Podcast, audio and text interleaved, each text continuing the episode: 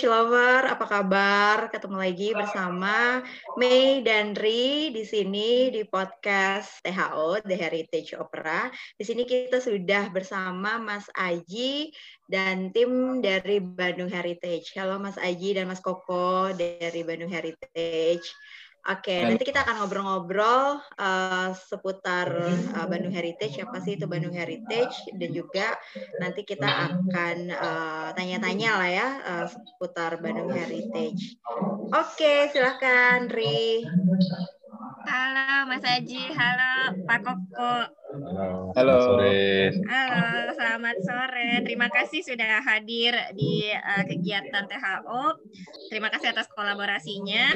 Uh, seperti yang sudah kita bicarakan, bulan depan kita akan mengadakan kontes penulisan mengenai Bandung Tempo dulu khususnya Paris Van Java. Uh, kalau uh, boleh, kalau berkenan, bisakah uh, pihak Bandung Heritage memberikan perkenalan singkat mengenai apa itu Bandung Heritage dan kegiatan apa saja yang sudah dilakukan untuk mempreservasi bangunan-bangunan lama di Kota Bandung. Silakan Mas Aji dan Pak Koko. Oke, baik terima kasih Kami Flores. Ya jadi saya dan uh, Kak Koko ini dari Bandung Heritage.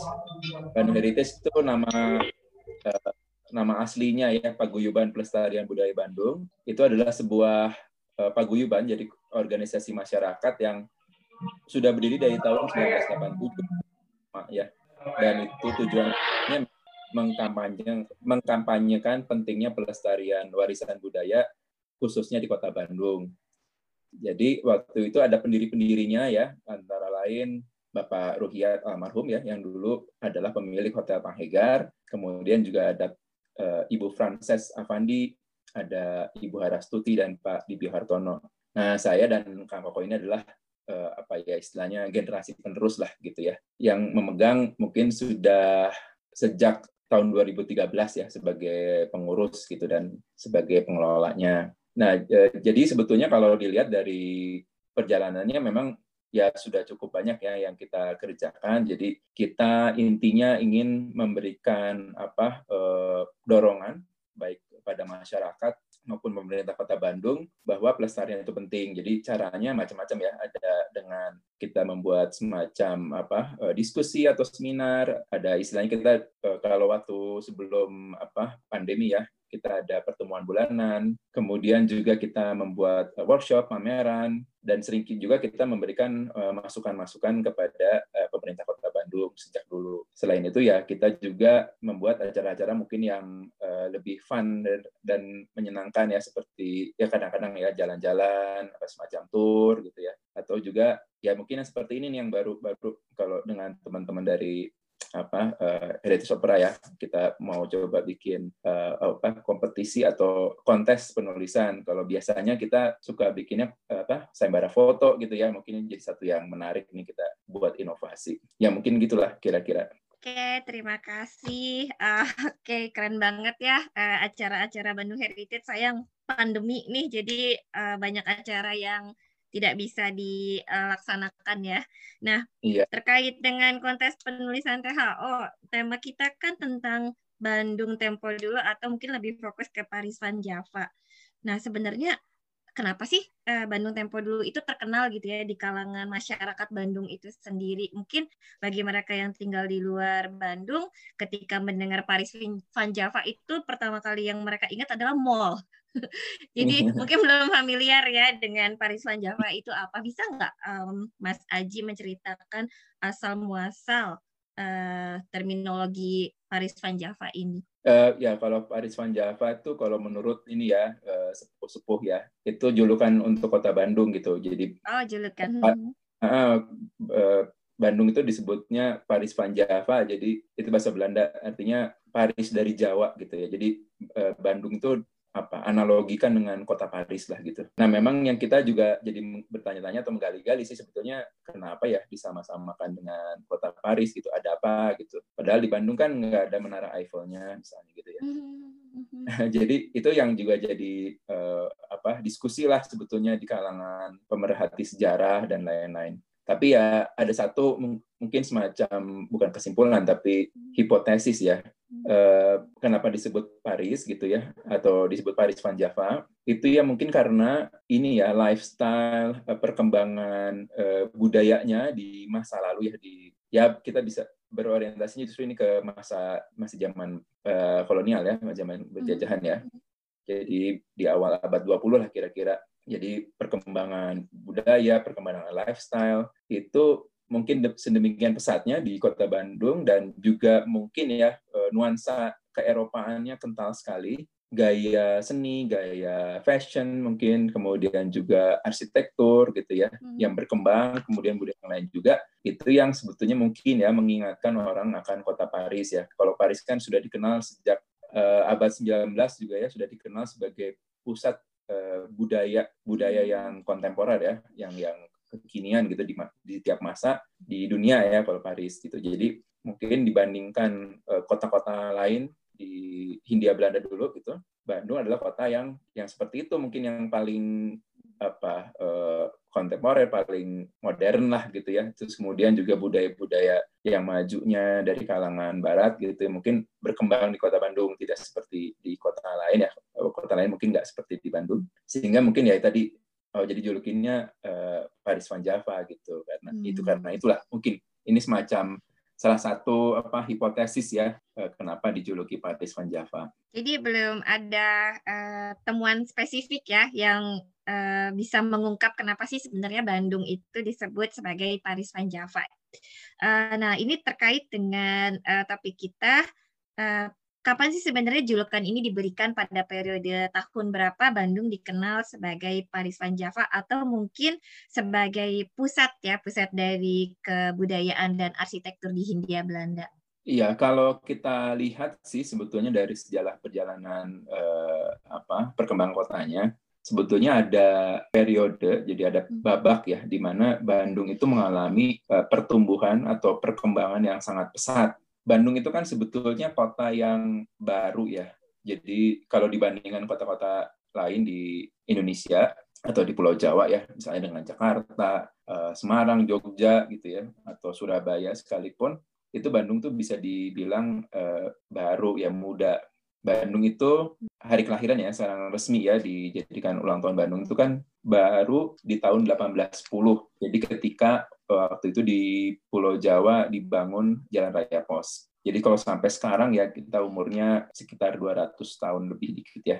Jadi itu sebenarnya bisa bilang uh, relatif muda. Gitu. Nah dalam perjalanannya itu memang juga Bandung dulu sebagai kota yang baru ya kecil ya dulu itu cuma kota kabupaten, hanya pusat sebuah ya kabupaten gitu ya. Tapi kemudian secara ber, apa, dalam perkembangannya kemudian makin lama makin besar, uh, terutama karena sejak ya abad akhir abad 19, uh, eh, sorry akhir abad 18 di abad 19 gitu ya udah sudah berkembang uh, ekonomi yang berbasis uh, perkebunan. Jadi dulu Eh, banyak sekali hasil hasil perkebunan yang menjadi komoditas utama bagi uh, pemerintah kolonial Belanda yang menjadi uh, apa barang ekspor ya sehingga ekonomi Belanda maju ya hasilnya banyak yang juga didapatkan dari perkebunan di cekungan Bandung ya di sekitar Bandung. Nah, sejalan dengan itu memang Bandung makin lama makin besar ya. Jadi pada tahun 1864 kira-kira Bandung kemudian menjadi ibu kota karesidenan. Residen itu kayak wilayah gitu ya yang yang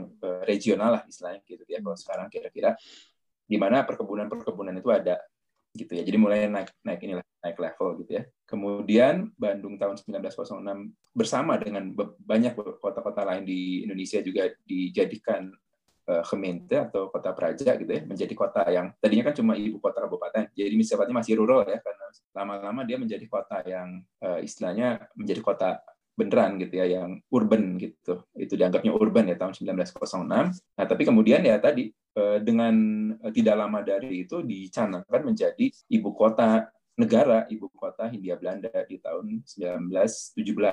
Nah, sebetulnya momen itulah di mana Bandung kemudian berkembang dengan pesat karena memang dipersiapkan menjadi ibu kota, tapi sudah didukung oleh ekonomi yang eh, berkembang cukup maju karena sudah berlangsung tadi perkebunan ya sejak eh, abad 19. Jadi paling enggak ya sudah berapa ya lebih dari 60 tahun gitu ya eh, perkembangan ekonomi dari perkebunan gitu. Nah di situlah Bandung kemudian bangun besar-besaran ke jadi dulu ada istilah ini agak susah ngomongnya bahasa Belanda ya. Saya juga uh, istilahnya Uitbreidingsplan ya. Jadi uh, pemekaran istilahnya bahasa ya.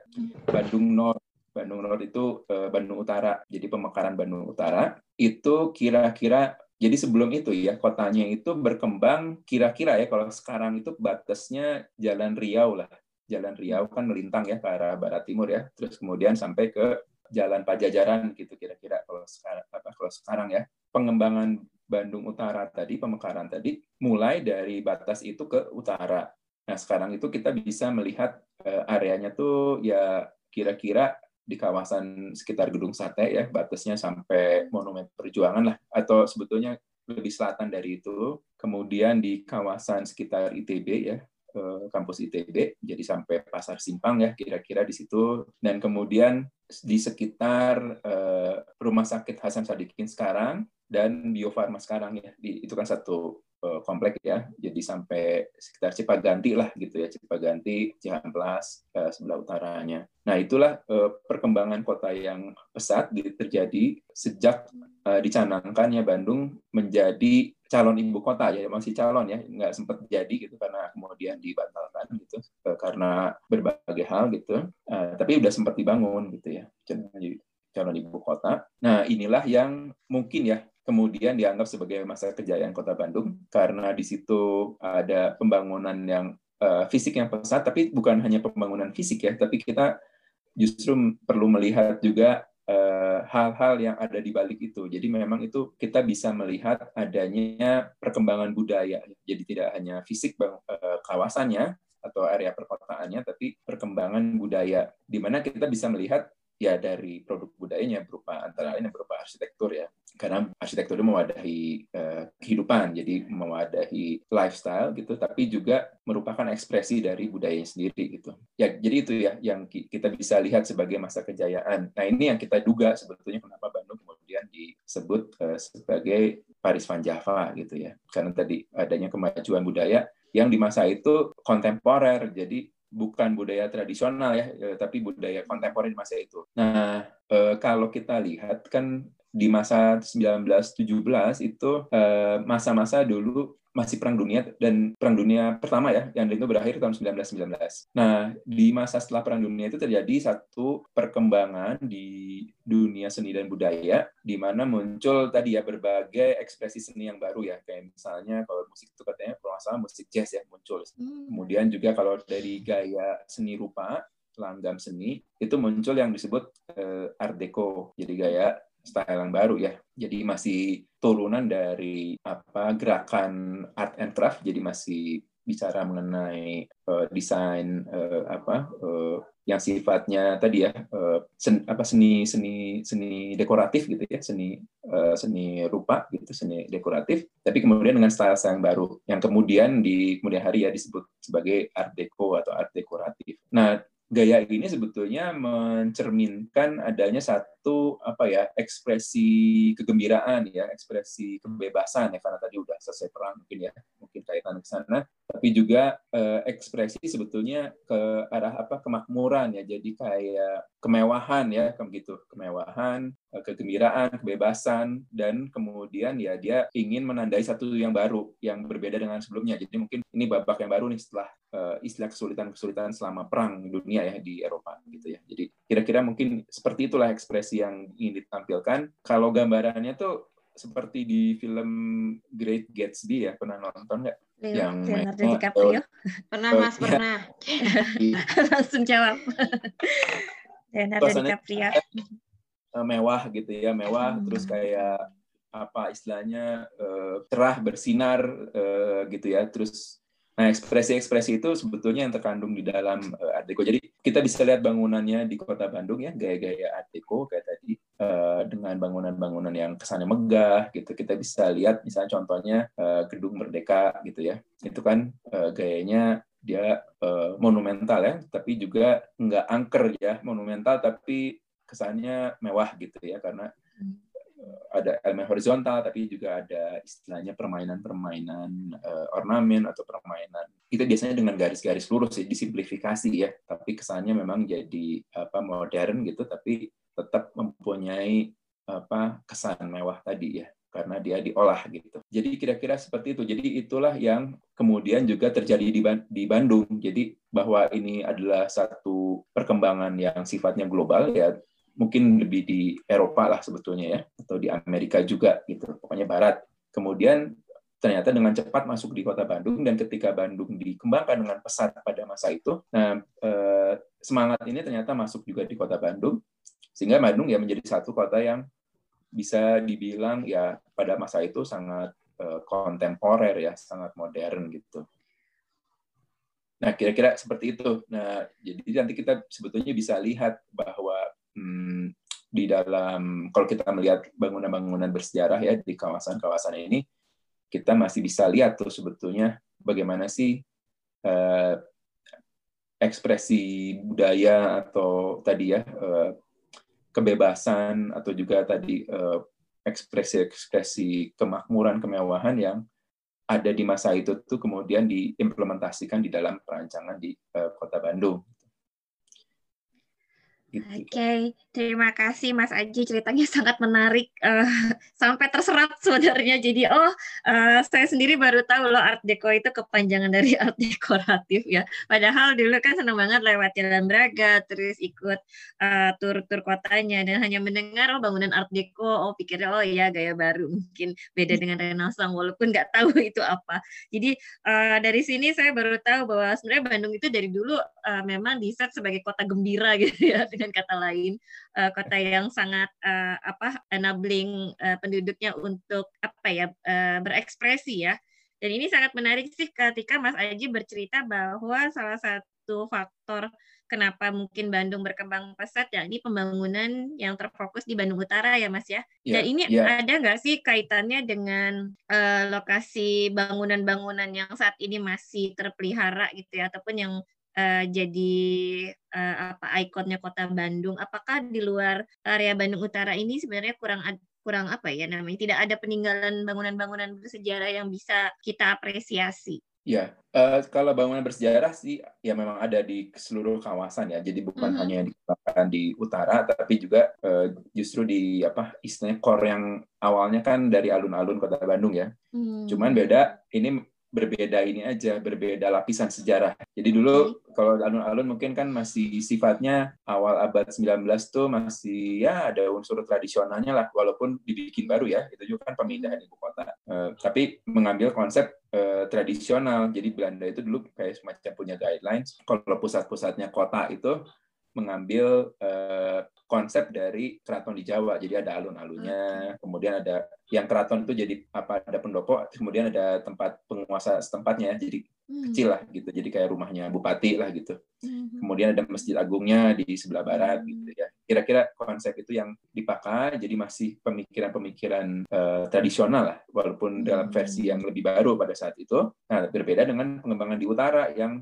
sifatnya benar-benar modern gitu ya. Jadi ingin mencari satu yang baru yang sebelumnya tanda kutip belum pernah ada. Gitu. Nah itu yang kemudian jadi langgam-langgam yang sekarang dikenalnya sebagai uh, apa Art Deco tadi ya. Nah tapi memang yang lebih menarik lagi jadi bahwa ternyata yang di perkembangan tadi budaya uh, di, di uh, dalam pengembangan Bandung ke utara itu ya yang terjadi tidak hanya mengikuti pemikiran atau semangat atau perkembangan global tadi dengan gaya-gaya Art Deco tadi ya, tapi justru semangat mencari pembaruannya sangat kuat. Nah, pemikir-pemikir atau budaya ya dalam konteks ini, eh, tapi juga eh, apa dimotori mungkin oleh arsitek-arsitek Belanda yang beberapa tuh lahir di Indonesia, kemudian sekolah di Belanda, kemudian balik lagi gitu.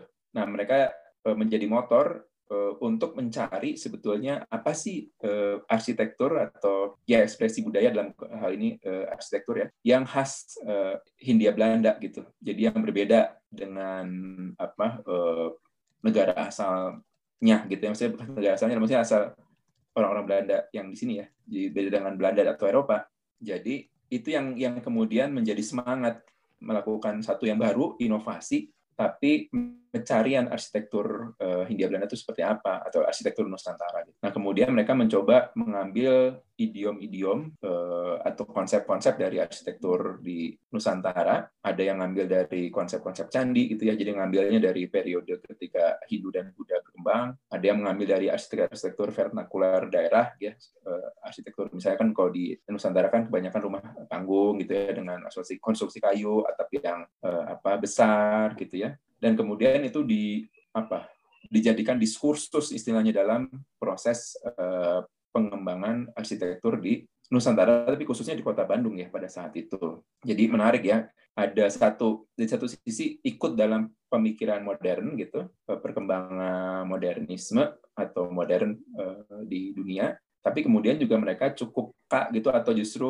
sangat concern dengan uh, apa sih ke ya istilahnya jadi ke ke apa ya lokalitasnya lah gitu ya lokalitasnya gitu. Jadi Indonesia bukan ke Indonesia dulu bilangnya mungkin ya ke Hindia Belandaan ya gitu ya Hindia Belandaan uh, Nusantara lah gitu ya hmm, gitu. Jadi itu yang menarik. Kemudian nah kita jadi bisa lihat bahwa di Bandung itu ada bangunan-bangunan ya contohnya ya yang jadi ikon tuh memang juga ikon dari perkembangan kota seperti Gedung Sate ya. Itu kan bangunannya unik ya jadi eh, kayaknya nggak ada nggak ada yang nggak ada yang sama gitu di dunia juga gitu ya. Dia berbagai langgam arsitektur dicampurkan jadi ada yang dari lokal ada yang dari Asia juga tapi ya.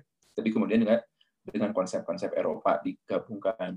Yang unik juga adalah di kampus ITB di Aula Barat Aula Timur itu hmm. mencoba mengekspresikan arsitektur tradisional tapi dengan konsep apa eh, konstruksi modern eh, barat. Kita kalau ke dalam bisa lihat itu kan bentuknya busur ya melengkung seperti itu dengan konstruksi apa laminated wood ya jadi apa si kayu-kayu dilapis-lapis ya jadi bukan kayu utuh tapi kayu lapis-lapis di di di apa di join pakai baut gitu ya. Kemudian dibikin semacam pelengkung seperti itu.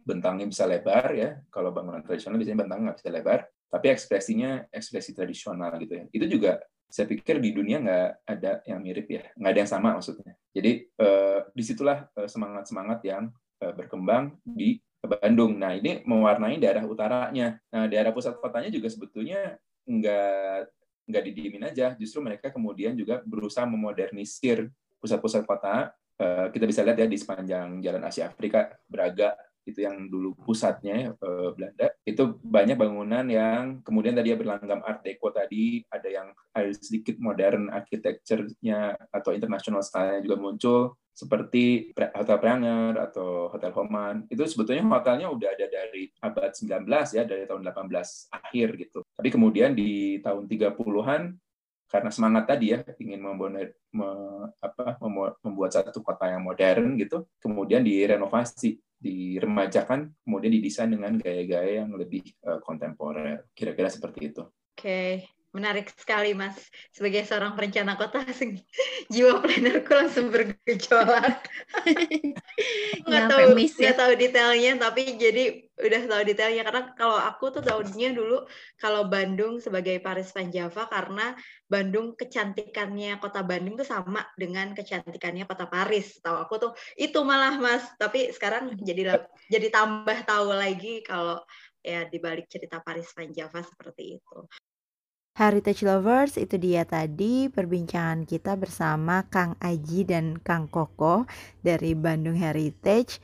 Nah ini baru episode 1, masih ada episode kedua Terus dengerin podcast The Heritage Opera Dan boleh kok kalau mau kolaborasi silahkan langsung cek-cek website kita di THO www.my.id Jangan lupa juga follow kita di Instagram at the.heritage.opera Oke, okay, terima kasih. See you.